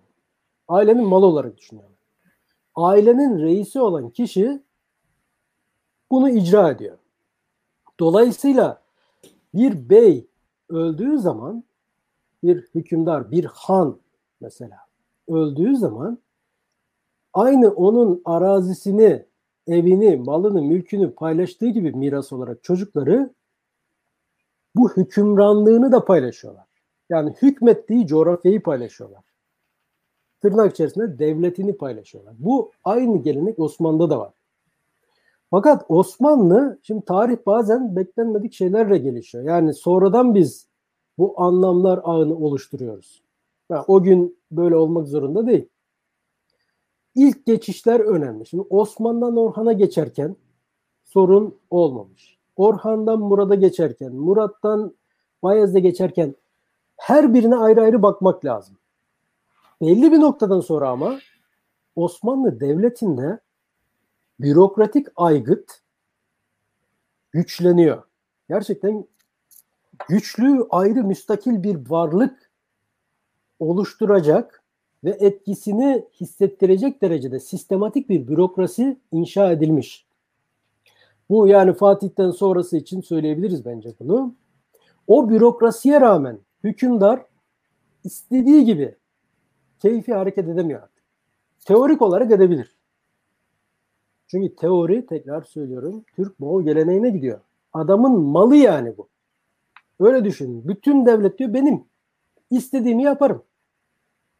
Düşünün ki Osmanlı'da da böyle, Safevi'de de böyle, diğerlerinde de böyle.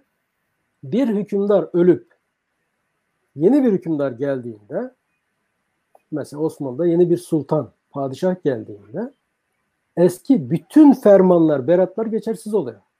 Hepsinin yenilenmesi gerekiyor. Devlette devamlılık esastır diye bir laf var ya bugün. O gün bu geçerli değil yani. Devlet diye bir şey o anlamda yok. Çünkü bir kişiden var hükümdar. Bütün beratların yeni hükümdar adına yenilenmesi lazım. Yenilemeyebilir. Ne yapacaksın? Hiçbir şey yapamazsın. Ama pratiğe baktığımızda Osmanlı'da Coğrafya çok geniş. Coğrafyanın epey bir kısmı Roma e, medeniyetin devralmış. Roma geleneğini devralmış. Bütün bu geniş coğrafyada sistemin işleyebilmesi için, devam edebilmesi için belli bürokratik temayüllerin dışına çıkılmaması gerekiyor. Bunu başarmışlar. O o çapta bir bürokrasiyi Osmanlı inşa etmiş. Ee, dolayısıyla padişahın sınırları nispeten diğer örneklerle karşılaştığımızda daralıyor. Teorik olarak olmasa bile pratik olarak ve bu da bir istikrar unsuru sağlıyor. Yoksa savaşlar var işte. Fatih'ten sonra Cem Sultan'la 2. Bayezid savaşmış. 2. Bayezid'den sonra hatta 2. Bayezid de yani Yavuz Sultan senin babasıyla savaşıyor. Sonra kardeşleriyle savaşıyor. İç savaş hep var Osmanlı'da. Ama iç savaş biter bitmez hemen sistem toparlanıyor. Ve işlemeye devam ediyor. Bu bence bürokratik aygıtın gelişmesiyle ilgili belli bir sistematiğe oturmasıyla ilgili bunu başarmışlar. Bir Hocam, de merke, e, burada, evet, burada e, sizin devam edecek et, etmeniz anlamında bir e, şey yapmak istiyorum. E, şeriat ve bürokratik e, mekanizmanın hakim olduğu bir devlet yapısı. Şimdi burada Türkmenlerle Osmanlı gerilimine biraz e, girelim isterseniz. Buradan evet, devam edelim. Evet. Ee, şimdi, şimdi evet. bir töre temelli bir e, konfederasyon yapısı var geçmişten gelen ama e, tam Roma sınırında, Bizans sınırında bir küçük beylikte e, Osman dönemiyle başlayan ama e, hızlı bir şekilde Orhan dön- döneminde işte ilk medresinin kurulması, Bursa Medresesi'nin kurulması, bir ulema sınıfının e, kurulması yani inşa edilmesi ve bu ile ulema sınıfı ile yeni bir bürokratik devlet inşası. Şimdi burada e, aslında yani Fatih'e gelmeden önce de çok erken dönemlerde bir yönelim başlıyor aslında. Yani hemen Orhan döneminde başlayan bir yönelim var. Bürokratik devlete yönelik. Ve o bu yani bu Türk Moğol geleneğinden çok başka bir şey bu anlamda kuruluyor. Yani yavaş Aynen. da olsa e, kuruluyor. Burada ama bir çatışma ve gerilim var. Mesela Ankara Savaşı'nda Türkmenlerin taraf değiştirmesi gibi. Yani e, bu mesela çok kritik bir şey. E, bu çatışma ve gerilime biraz girelim isterseniz. Bu e, altyapıyı verdikten sonra neden e, Türkmen boyları e, bu değişime direndiler? Bu Gaza e, fikri ile e, şekillenmiş olan e, kültür neden yavaş yavaş Osmanlı'ya doğru döndü ve bu e, çatışmanın temelinde neler vardı? Evet. Osmanlı girişimi, Osmanlı Beyliği bulun daha başta bulunduğu coğrafyadan dolayı diğerlerinden farklı bir e, serüvene girmiş oluyor.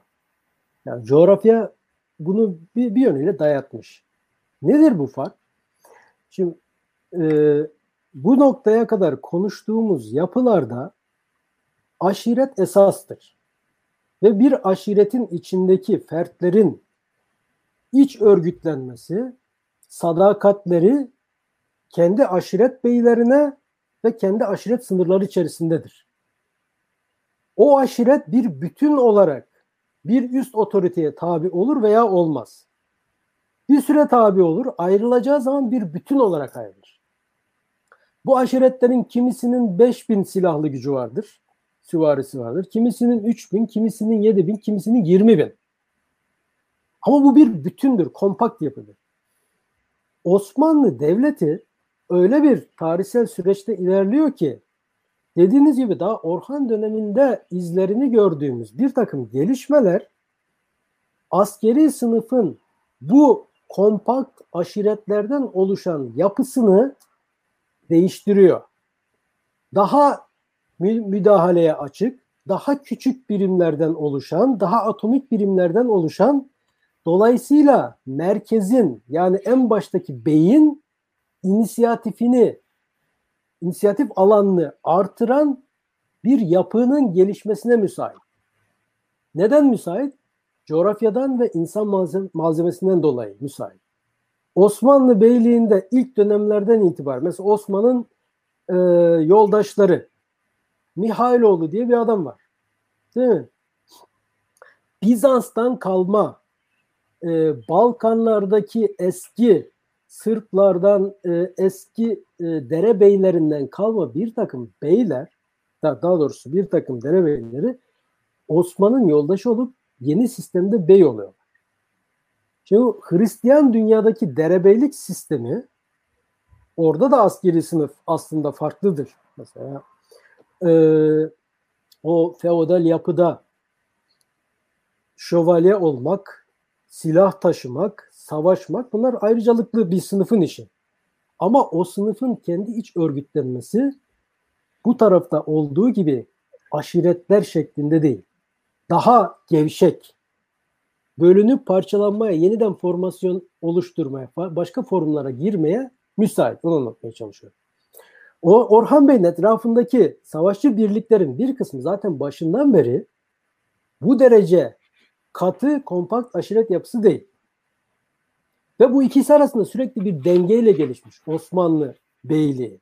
Hem, hem Türkmen beylerini e, barındırıyor içinde hem bu Bizans'tan gelen, kökü Bizans'a dayanan beyleri. Bunların bir kısmı daha sonra büyük akıncı hanedanlarına dönüşüyorlar. Avrupa, e, Trakya'da, Balkanlarda biliyorsunuz.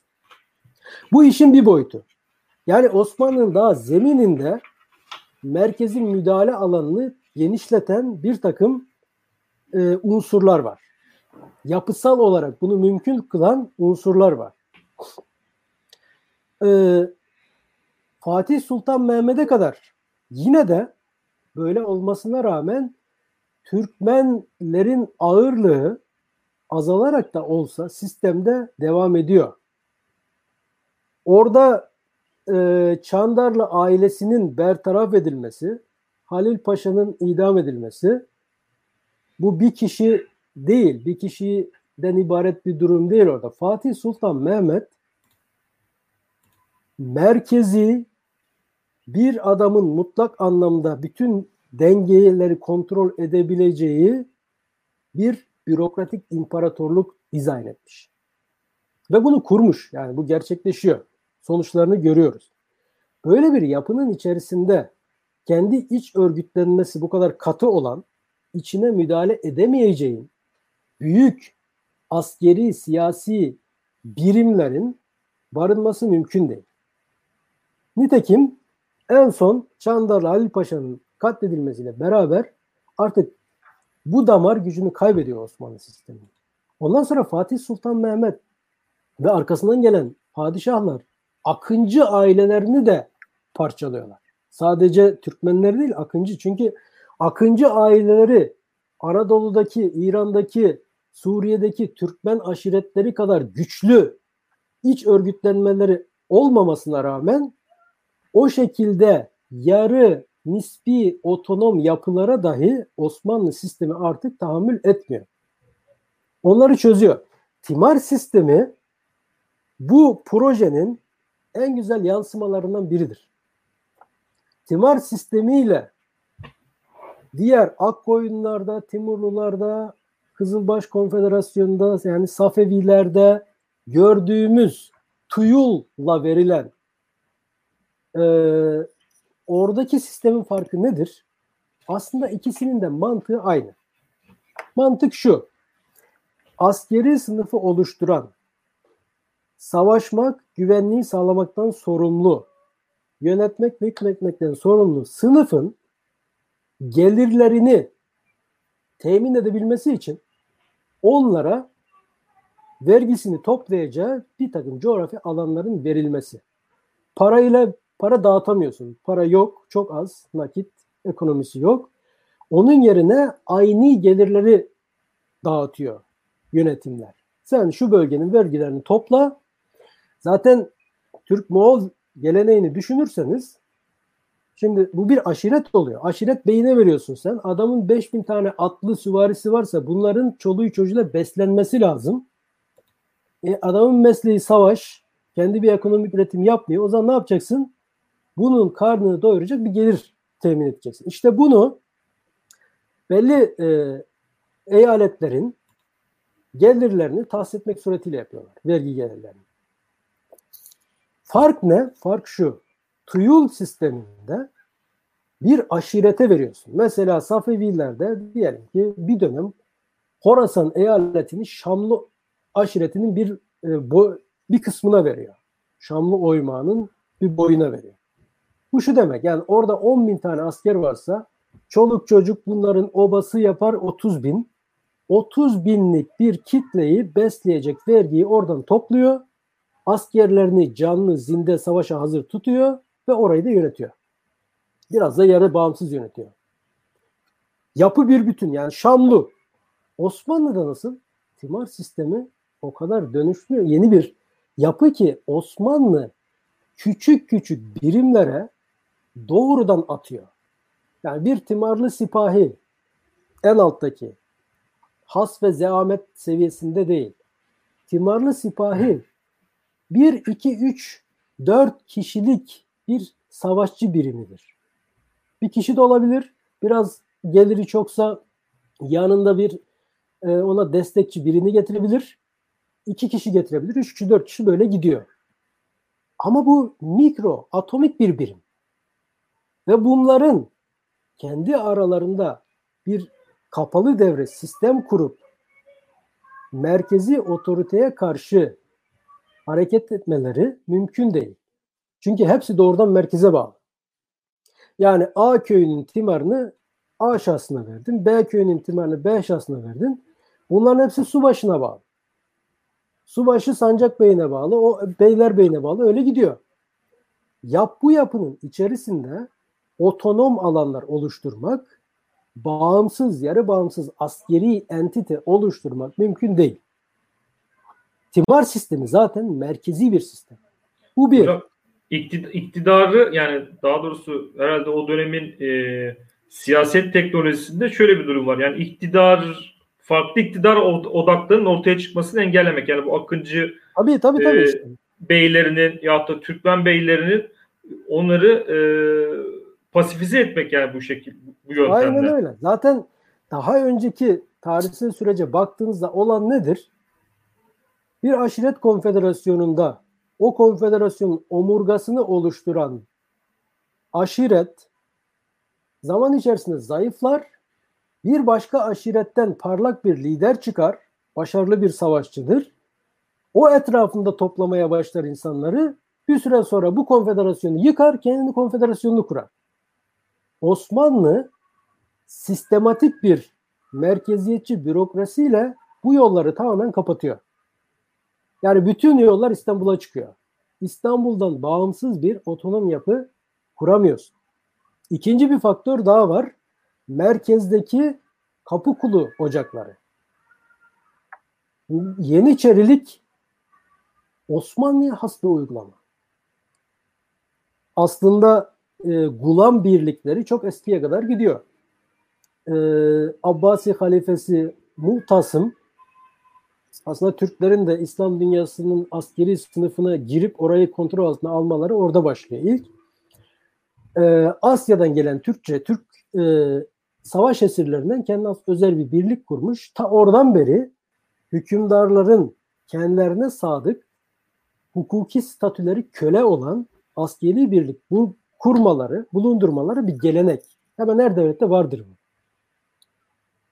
Bunun çapı önemli. Sisteme ne kadar egemen olduğu önemli. Bir de Osmanlı'da daha önceki uygulamaların hepsinden farklı olarak Osmanlılar sadece esirleri değil, esir zaten köle statüsünde ya hukuken, İslam hukukuna göre. Bunlarla yetinmiyorlar. Yani bu insan kaynağı olarak yetmiyor. Gidip köylerden zorla insan çocuk toplamaya başlıyorlar. Devşirme sistemi bu işte. Devşiriyorlar yani. Bu İslam hukukuna da aykırı aslına bakarsanız. Yani insanların rızasına aykırı olarak gidiyorsun çocuğunu alıyorsun. Ama Osmanlı sistemi açısından baktığınızda bu gayet normal. Neden? Çünkü onu da vergi olarak görüyor Osmanlı. Yani bu da bu da bir tür vergidir. Senin çocuğunu vergi olarak alıyorum diyor. Alıyor onları, eğitiyor, yetiştiriyor. Tabii o çocuk yaşta alındığı için onlar bir eğitim sürecinden geçiyor. Müslüman oluyorlar. Tamamen Osmanlı Devleti'nin değerleriyle işleniyorlar ve korkunç bir şekilde devletçi oluyorlar. Devletten başka hiçbir şeyleri yok. Ve bu insanlar tekrar altını çizelim bunların hukuki statüsü köle. Özgür bir bağımsız birey değiller yani. İslam hukukuna göre. Bu şu demek hepsi padişahın malı. Yani padişah elmasını, armudunu, herhangi bir şeyin nasıl e, alıp satabilirse bu insanlar da alabilir, satabilir, her şeyi yapabilir. Onun mülküdür, malıdır. Bu statüde bir ordu kuruyorsun ve bu ordu sistemin merkezine yerleşiyor ve her zaman merkezde duruyor. Halbuki sipahiler savaştan sonra dağılıyorlar her biri eyaletlerine. Yeniçeriler İstanbul'da. Dolayısıyla bir noktadan sonra Yeniçeri ordusu Osmanlı sisteminin omurgası haline geliyor. Yeniçeri kimi desteklerse mesela o padişah oluyor. E, bu gayet normal çünkü adamlar İstanbul'a egemen ve hani standing army dediğimiz sürekli düzenli, düzenli oldu. terhis olmayan hiç yılın her mevsimi işi askerlik olan ve maaş alan ordu. Ötekiler aynı alıyorlar e, sipahiler. Bu iki faktör sistemin merkezileşmesini ve merkezin aşılamayacak otoritesini inşa ediyor. Bu fiili olarak, işin fiili tarafı. Bir de bunun ideolojik boyutu var tabii. Bu merkezileşmenin korkunç ya yani büyük bir güçten bahsediyoruz burada. Merkezi hiyerarşik bir yapıda şekillenmiş bu yeni gücün ideolojik ifadesi nasıl yapılıyor? Bu gücün ideolojisi nedir? Neyle ifade edilmiş ve bu gücün topluma empoze ettiği düzen, toplumsal düzenin aracılığını yapan veya onu taşıyan hukuk sistemi nedir? İşte burada karşımıza ulema ve son dönemlerde Osmanlı tarihçiliğinde kullanılan bir terim olarak Osmanlı sünniliği çıkıyor. Yani dinin işlevi bu merkezileşmiş yeni yapıdaki imparatorlukta orta çağdaki işlevinden farklı bir hal almaya başlıyor. Daha sistematik, daha hiyerarşik, devletle çok daha içli dışlı hatta belli bir noktadan sonra ben şahsen İslam dünyasında bunun başka bir örneğini bilmiyorum. Devletin bürokrati oluyor. Osman ulema sınıfı. Yani bildiğiniz bürokratik bir e, aygıta dönüşüyor. Bu merkezleşme süreci, süreci içerisinde. Dolayısıyla yazıp çizdikleri her şey din olarak, din adına ifade ettikleri her şey böyle bir kompleks bütünün bir parçası olarak ortaya çıkıyor, zuhur ediyor.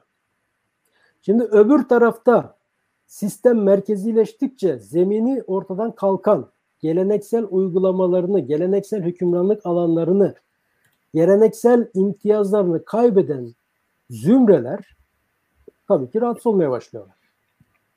E bu zümrelerin Osmanlı böyle hep İstanbul merkezi düşünürseniz iki yarıdan oluşuyor ya. Anadolu ve Rumeli. Bu iki yarının siyasi, askeri, kültürel, e, toplumsal yapılarında da böyle gözle görülür farklılaşmalar hep vardır. Merkezileşen otoriteye karşı yükselen muhalefet dalgaları da bu iki tarafta ayrı tarzlarda ve ayrı bir nitelikte şekillenmiş. Ee, muhalefetin temelinde ekonomik ve sosyal olarak bu yapı var. Ama bunu ifade ederken Şimdi şu yanılgıya bazen düşebiliyoruz. Tarihçiler tabii düşmez yani biraz tarih okuyan düşmez ama tarih eğitim alan diyelim. Tarih okuyanlar düşebilir. Kavramları biz modern dünyada tabii devraldık ve modern içeriğiyle farkında olmadan kullanabiliriz. Modernite öncesinde bu işe yaramaz, çalışmaz hatta yanlışlıklar, komplikasyonlar doğurabilir. Ne gibi? Mesela bugün siyasal diyoruz, ekonomik diyoruz, hukuki diyoruz, politik diyoruz. Bunların karşılığı nedir modern öncesi toplumlarda. Mesela Osmanlı siyaset teorisi ne olabilir? Veyahut da Safevi siyaset teorisi. Herhangi bir modern öncesi Müslüman toplumda siyaset teorisi. Böyle bir şey yok müstakil olarak. Entelektüel yani kolektif, toplumsal, soyut düzlemde ifade edilen her şey dini kavramlarla ifade ediliyor. Yani ideolojinin ifade biçimi din. O yüzden dinle toplum arasındaki ilişkiyi görmeden dinlerin e, anlaşılması mümkün değil. Tekrar oraya altını çizelim. Ee, Osmanlı merkezi emperyal düzeninin ifade biçimi sözlerde, fikirlerde, kavramlarda ifade biçimi nasıl ki Osmanlı sünniliği ise bu yükselen muhalefet damarlarının ifade biçimleri de yine dini kavramlar üzerinden karşımıza çıkıyor. Yani insanlar organize olurken kaybettikleri imtiyazları, ekonomik, toplumsal imtiyazları geri almak için organize olurken bu organizasyonlarının e, ifade organizasyonlarını ideolojik seviyede ifade ederken dini kavramlar kullanıyor. İşte Hocam, Mehdi gibi. Burada şey de söyle yani bir ara hemen şey yapıyorum. Dinü devlet mesela Osmanlı'da kullanılan dinü devlet birdir diye bir şey var, tabir tabii, var tabii, yani. Tabii, tabii. Zaten bunu şeyler siyasetnamelerde falan açıkça da yazıyorlar. Yani din ve devlet kardeştir. Bunlar birbirinden ayrılmaz. İki ayrı ayrı var olamazlar. Bu bu da ayrıca bir e, sünni tırnak içerisinde ortodoks Müslümanlık algısıdır. Mesela Kızılbaş geleneğinde orada da din dinin dokunmadığı, dinin kapsamadığı hiçbir alan yok. Ama yapı farklı olduğu için bu dini devlet gibi ifade edilmez. Yani dini devlet dediğimizde e, program başında konuştuğumuz o sınıflara gider bunun ucu. İki sınıfın e,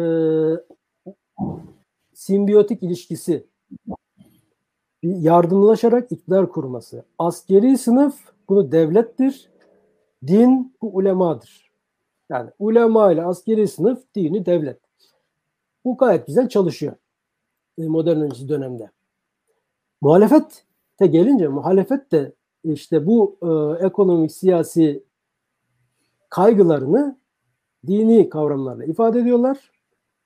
Benim bu kitapta e, ilk bölümlerde ortaya koydum. Hala o görüşte devam ediyorum. Bu iki yarısında Osmanlı İmparatorluğu'nun temeldeki toplumsal ekonomik farklılıktan dolayı bu iki yarıda gelişen muhalefetin tarzı da farklı. Balkanlar ve Avrupa, Osmanlı Avrupa yarısındaki muhalefet nihai olarak Bektaşilik şeklinde karşımıza çıkıyor. En sonunda yani macera tamamlandığında. Bu Abdal, Rum Abdalları ilk başta Osmanlı Beyliği'nin kuruluşunda en aktif olarak çalışan, en etkili olan dini zümreler zaman içerisinde dışlana dışlana dışlana artık tamamen muhalefet, marjinal bir hale düştüklerinde en son Bektaşilik çatısı altında organize oluyorlar. Ama Bektaşilik öyle ilginç bir yapı ki bir taraftan bu merkezileşememiş, merkezileşen düzene ayak uyduramamış, hala eski merkez kaç tarzda yaşamak isteyen zümrelerin özlemlerini dile getirse de aynı zamanda Osmanlı sisteminin bir parçasıdır. Yani Bektaşilik bir Osmanlı fenomenidir. Bu, böyle bir ilginç durum var karşımızda. Yani sistemin kendi içinde ürettiği kendi iç muhalefeti. O yüzden Osmanlılar Bektaşilerle hiç e, böyle bir zarar vermemişler, vermemişler veya Bektaşilerle rejim iyi geçinmiştir. Yani. Bektaşi dergahlarına dokunmazlar, dokunmamışlar tabii ki Yeniçeri Ocağı kaldırılana kadar. Bektaşilerle ilgili fetvalar yoktur, onlara zındık, mülhit, şu bu gibi şeyler söylememişler. İyi geçinmişler. Çünkü sistemin içinde. Ve sisteme aslında bir tehdit değil. Bir, bir nevi şöyle belki düşünülebilir biraz ileri giderek sigorta gibi.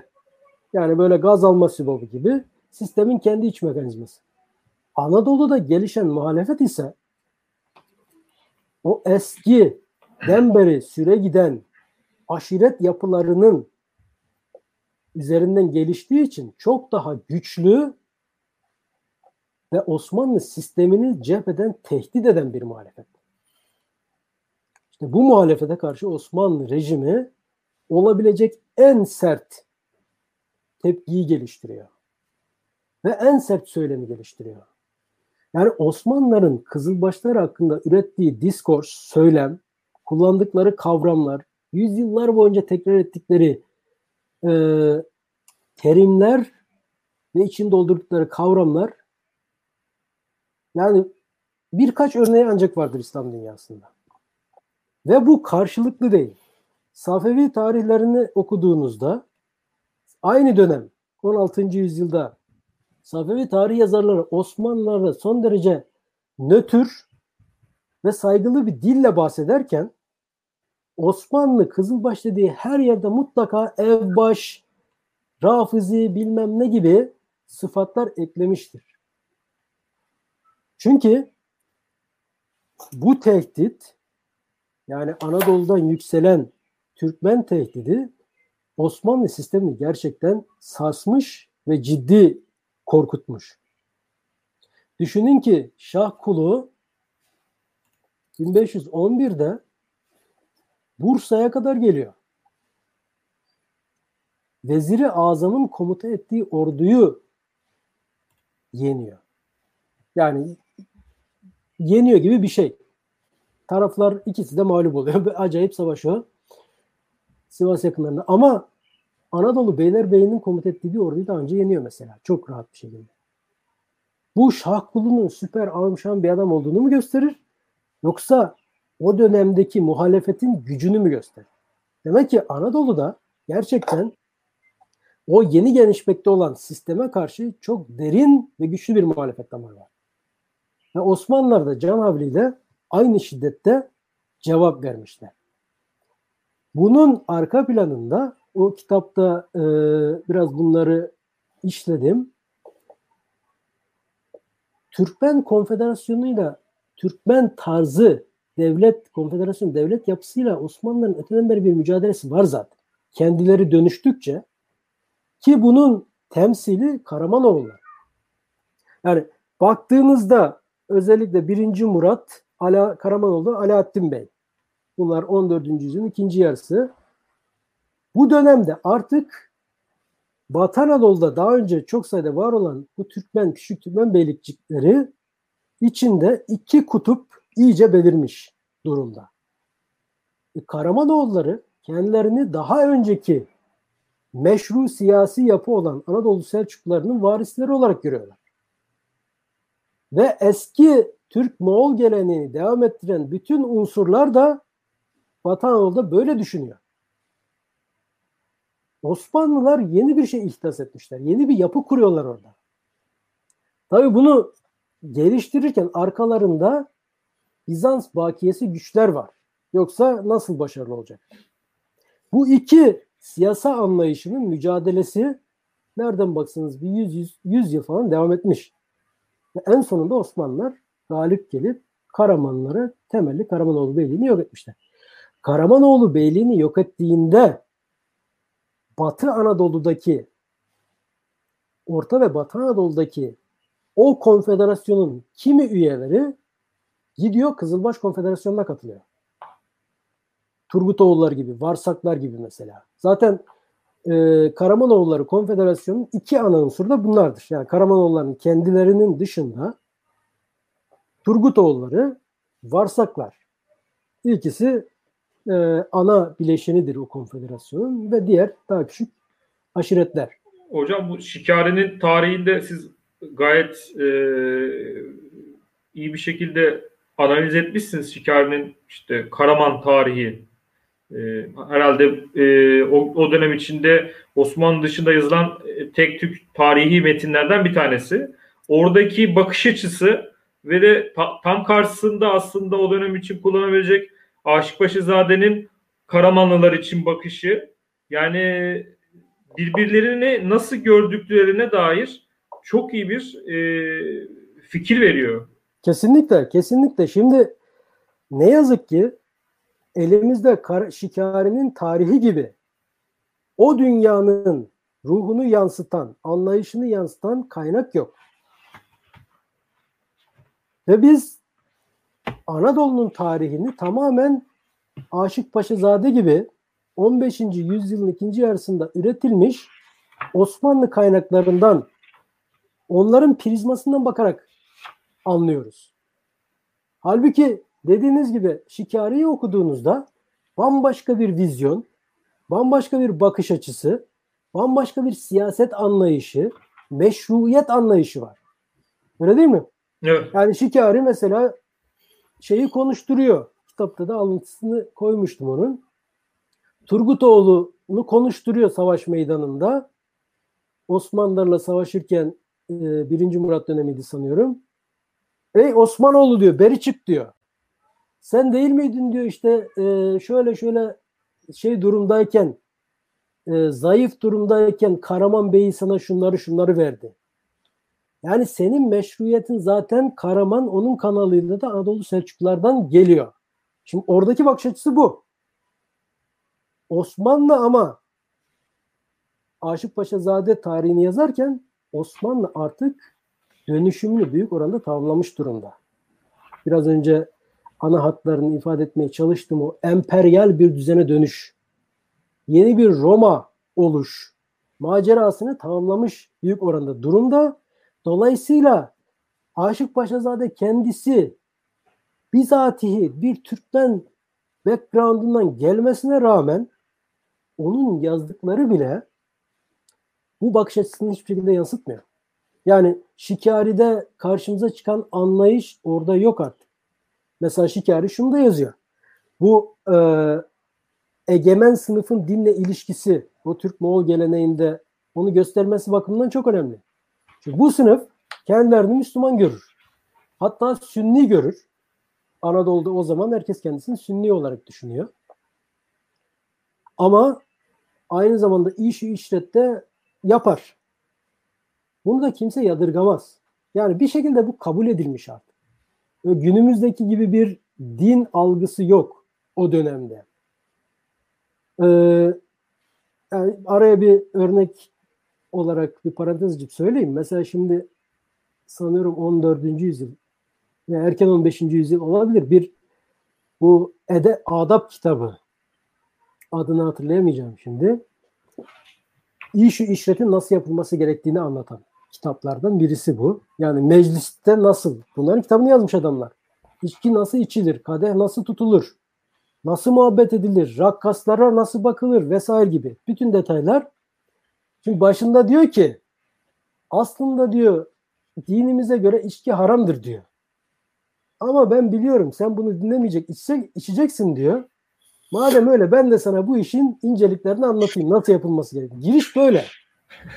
Şimdi bu kabullenilmiş bir fiziki yani pratik realite var hayatın içerisinde herkes bunu kabul ediyor. İşte Şikari'den bir episod bir savaştan dönüyorlar. Karaman Bey'i iş işlet kuruluyor. Bu zaten Allah'ın emri yani demin dediğim gibi.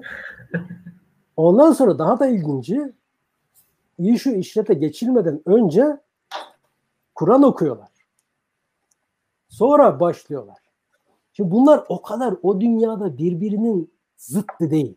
Veya İbni Batuta adam Sinop'ta bizatihi tanık olduğu olayı anlatıyor. Yani Sinop'a ne zaman gitti? 1332, 3, 4 öyle bir şey. 1330'lar yani. Diyor Sinop'ta Alaaddin Camii'nin diyor cuma namazını kıldık. Çıktık avluda oturuyoruz. Gaziler şimdi gazileri düşünün ya. O zaman bir gazi demek hele ki 50-60 yaşında bulduysa adam böyle şey gibi etrafındaki auranın etkisini düşünün. El 60 yaşına kadar sen en az 100 tane savaş görmüşsündür ve bunların hiçbirinde ölmeden kalmışsın. Artık kutsalsın yani. Çok bu gazi dediğimiz adamların kendi dönemlerindeki etkileri ve saygınlıkları çok üst düzeyde. Onu anlatmaya çalışıyorum. Çünkü bu çok istisnaidir bu kadar Sürekli savaşıp da ayakta kalmak. Çoğu genç yaşta ölüyor. Şimdi bu gaziler çıkmışlar. Zaten hükümran sınıf bunlar. Diyor, çıktılar oturdular diyor. Bir çanak getirdi birisi diyor. Her biri çanaktan daldırıyor yiyor. Dedim bu nedir? Dediler ki bu haşiş. Millet cuma namazından çıkıyor daha caminin avlusunda haşiş çekiyor. Bu bize bugün çok ters geliyor değil mi? Yani yani bir ortada ideal Müslümanlık var. Bir de böyle Müslümanlık dışı faaliyetler var. Bunları yapan Müslüman olmaz falan. O günün dünyası böyle değil. Bunu anlamamız lazım. Evet. Bir başka örnek. Mesela Mevlana'nın e, bir tür biyografisini de Mevlana ve Mevlana ile ilişkili çevrelerini yazan Eflaki Menakıbül Arif'te Hacı Bektaş Veli'den bahsediyor. Cümle şu. Hacı Bektaş Veli kalbi marifetle dolu bir adamdı ama şeriatın gereklerini yerine getirmezdi. Şimdi bugün bu cümleyi hiçbir sünni Müslüman kurmaz. Nasıl olacak? Şeriatın yerin, gereklerini yerine getirmeyen bir adam nasıl kalbi marifetle dolu olabilir? Bunu yazan bir Bektaşi değil. Bektaşilerin rakibi olan Mevlevi. Yani rakibi hakkında bunu yazıyor. Bu bize şunu gösterir. Demek ki Orta Çağ'ın Anadolu'sunda son derece renkli, son derece heterojen bir Müslümanlık pratiği var. E bu da normal. Neden? Çünkü elimizde son derece heterojen bir siyasal e, yapı var. Ya bir sürü siyasi otorite küçük küçük dağılmış durumdalar. Ne zaman ki bu küçük siyasi otoriteler eski ortaokul lise kitaplarındaki tabirle ortadan kalkıp siyasal birlik Anadolu'nun siyasal birliği sağlandı. O birlik ortodoksiyi de beraberinde getiriyor. Yani bir inanç tarzını üretiyor, çoğaltıyor, dayatıyor ve topluma yerleştiriyor, empoze ediyor. O merkezi araçlarıyla. Ee, Eflaki'nin kurduğu cümleyi 16. yüzyılda Ebu Suud döneminde bir e, Osmanlı alimi kuramaz. O aynı şeyi söyleyemez yani. Veya işte camiden çıkıp Sultanahmet'ten çıkıp haşiş çekilemez artık. Veyahut da savaştan geldikten sonra İstanbul'da Ayasofya'nın önünde işlet meclisi düzenlenemez. Padişahlar Osmanlı'nın çoğu yine içer ama o kapalı ortamlarda artık. Kendi dar da dairelerinde. Bu dönüşümler yaşanıyor. İşte bu dönüşümler o muhalif eski yaşam tarzını devam ettiren Türkmenlerin kabul edeceği şeyler değil. Kısaca bunu anlatmaya çalışıyorum. Ee, en son Karamanoğulları Konfederasyonu'nda çökünce zaten ondan kısa bir süre sonra Akkoyunlar Konfederasyonu'nda çöküyor. E, boşluk, arada kalan boşlukta bir ana damar oluşturmuş olan Safevi ailesi etrafındaki Türkmen Kızılbaş Konfederasyonu ortaya çıkıyor ve etrafında o muhalif Türkmenleri toparlıyor. Yani. Evet. Hocam isterseniz burada bir e, virgül koyalım ve e, bu bölümü olan işte bu Safevi Osmanlı çatışması e, meselesine bir sonraki yayınımızda devam edecek şekilde e, şey yapalım. Ozan senin sormak istediğin bir şey var mı? Bundan sonrası için şey işte Safavilerle ilgili olacak. O ikinci programa evet. saklıyorum ben de. Evet onu da ikinci programa saklayalım. Yaklaşık iki saattir e, kayıttayız. E, güzel bir söyleşi oldu. E, epey bir e, bu meselenin tarihsel antropolojik altyapısını e, konuşmuş olduk. E, hocam sizin söyleyeceğiniz bir şey yoksa yavaş yavaş kapatacağım programı. Evet dediğiniz gibi bu burada bunu noktalayalım. Safari evet. tarafında ikinci bir e, bölüm olarak konuşuruz. Evet, evet. Çünkü bu mesele e, gerçekten uzun uzun konuşulması gereken bir mesele. E, hocam çok teşekkür ediyoruz. E, dediğim gibi bir virgül koyuyoruz. E, bir, bir iki hafta sonra e, tekrar bu e, yayının devamını yapacağız. E, önümüzdeki hafta e, 176. yayında Chicago Üniversitesi'nden e, herkesin bildiği diyelim Cornel Fletcher değil mi Ozan? Evet, Yanlış değil. inşallah. Evet. Kornel Hoca'yı e, ağırlayacağız. Türk televizyonlarında ilk kez belki de. Türk, ee, Türk internetlerinde ve televizyonlarında. evet, internetlerinde ve televizyonlarında diye bir kez e, yayına katılacak. E, o yayında e, tekrar görüşmek üzere. 175. yayınımız burada sona eriyor. E, bugünkü e, konuğumuz Doktor Rıza Yıldırım'la e, Aleviliğin Doğuşu e, kitabı üzerine birinci yayınımızı yaptık. E, bu yayında bize destek olan e, Kronik kitaba tekrar buradan e, teşekkür ediyoruz. Hocam size de çok teşekkür ediyoruz. Bizi izlediğiniz ben için teşekkür ederim. e, iyi akşamlar diliyoruz herkese.